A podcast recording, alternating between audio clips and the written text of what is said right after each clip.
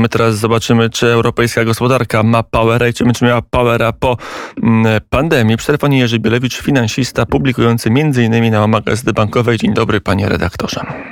E, dzień dobry panu, dzień dobry państwu.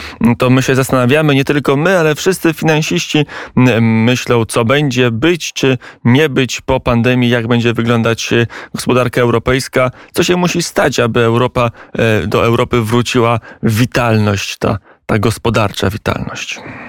E, wydaje mi się, że e, ten fundusz e, odbudowy Europy musi odpalić, a to z tego prostego względu, że w strefie euro mamy kilka państw, które no, niestety mają nadmierne zadłużenie.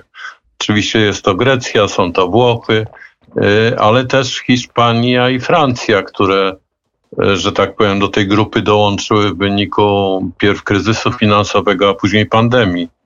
E, I te kraje, moim zdaniem, mają tak wysokie zadłużenie, że e, trudno będzie je spłacić.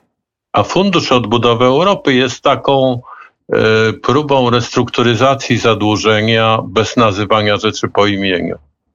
Bo jeśli taki kraj jak Włochy dostanie kilka procent PKB w dotacjach, to cel tego jest taki, żeby ten wzrost gospodarczy był na tyle silny, że była jakakolwiek szansa, nawet ta mała szansa, że jednak Włochy sobie poradzą z zadłużeniem i zaczną spłacać to zadłużenie. Ale czy to a... może się stać bez głębokich reform strukturalnych? Jak długo e, systemy finansowe, systemy gospodarcze, szerzej patrząc, mogą być wydolne tylko na nieco pustym pieniądzu? I co z tego, że Komisja Europejska pożyczy kolejne biliardy euro i te biliardy euro rozrzuci po Europie, kiedy robi to od kryzysu, od kiedy Mario Draghi jest szefem Europejskiego Banku Centralnego od e, roku 13 czy 12 i efekty dla Europy Zachodniej są mizerne. Najbardziej się cieszono, kiedy we Włoszech e, PKB wzrosło do 2% i to był wielki szał, a potem zaraz znowu e, ta dynamika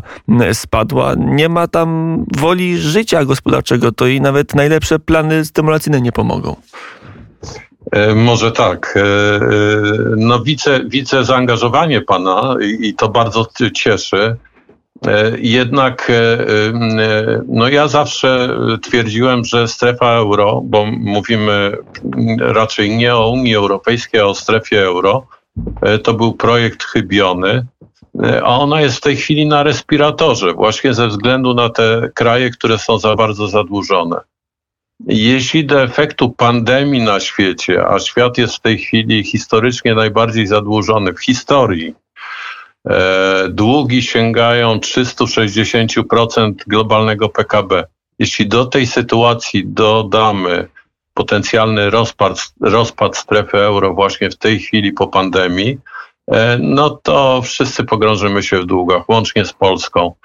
E, a Pols dla, dla Niemiec byłaby to bardzo zła sytuacja, e, a pośrednio też dla Polski moglibyśmy się liczyć ze spadkiem PKB, z, z olbrzymim wzrostem długu e, w stosunku do PKB wiele rodzin frankowiczów. Pan redaktor żyje w świecie ekonomii realnej, a e, kiedy ja spotykam, czasami mi się zdarza spotykać osoby nastoletnie, to one są ciężko zdziwione faktem, że e, długi trzeba oddawać i że pieniądze się biorą e, z pracy, a nie biorą się z kreacji. Nawet miałem taką dyskusję, że przecież pieniądze nie dają nam kosmici, tylko sami je robimy, to może wydrukujemy ich więcej, to wtedy spłacimy długi. I taki jest poziom rozumowania przeciętnych Europejczyków, chyba zwłaszcza z Europy Zachodniej, że pieniądze biorą się z drukarni i jak się ich wydrukuje więcej, to długi znikną. Tak będzie? Proszę mnie nie rozśmieszać, bo to jest poziom to młodego będzie społeczeństwa. Dobre, dobra rozmowa, jak wybuchnę śmiechem i będę się tylko wyłącznie rechotał. I wtedy zostanie pan edytor boomerem i co pan wtedy zrobi? Nic pan nie zrobi.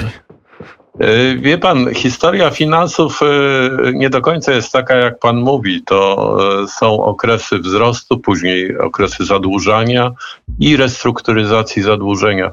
Przeważnie ten cykl kończył się wojną, tak jak na przykład II wojna światowa.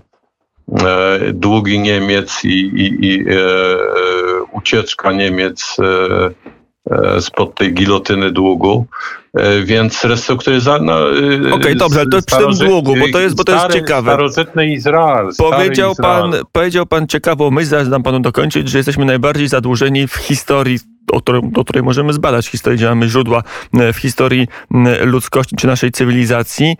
Kto ma te długi? Znaczy, kto jest dysponentem tego największego długu w historii? No to jest podstawowe pytanie, ono jest bardzo takie proste.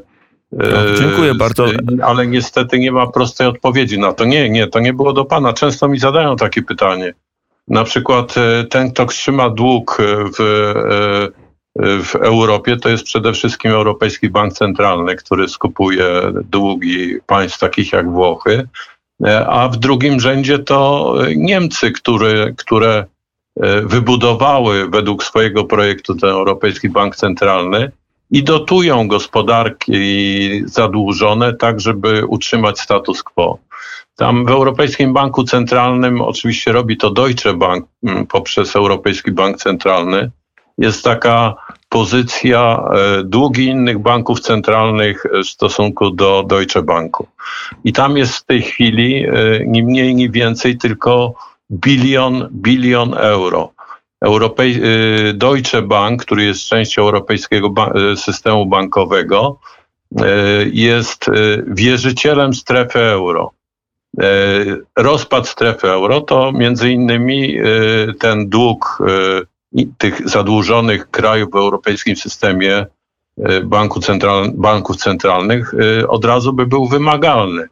Więc na przykład y, Włochy od razu ich dług podskoczył było 500 miliardów euro, bo tyle y, są winne y, systemowi banków centralnych.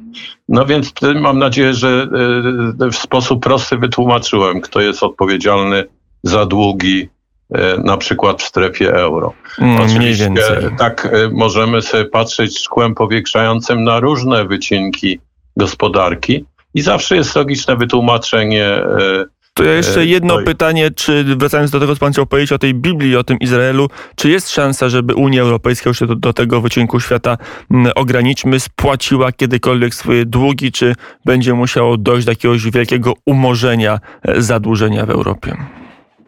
Będzie musiało dojść do e, restrukturyzacji zadłużenia. Tak jak powiedziałem, ten plan Fundusz Odbudowy to jest takie restrukturyzacja zadłużenia bez e, nazywania rzeczy po imieniu. E, I ona trochę kupuje czas. E, to zresztą nie tylko ja tak wskazuję na ten poziom długów, ale tam ponad 100 ekonomistów z Francji i Hiszpanii wręcz wystąpiło do Europejskiego Banku Centralnego w takim liście otwartym, żeby ten Europejski Bank Centralny umorzył długi związane z kryzysem pandemii COVID-19. E, e, wracając do Biblii i do Izraela, Starego Izraela, to tam też był takie zwyczajowe umorzenie długów co 7 lat. Więc e, ja wiem, że mm, nasz bank, główny bankier centralny mówi, że nie ma umorzenia długów.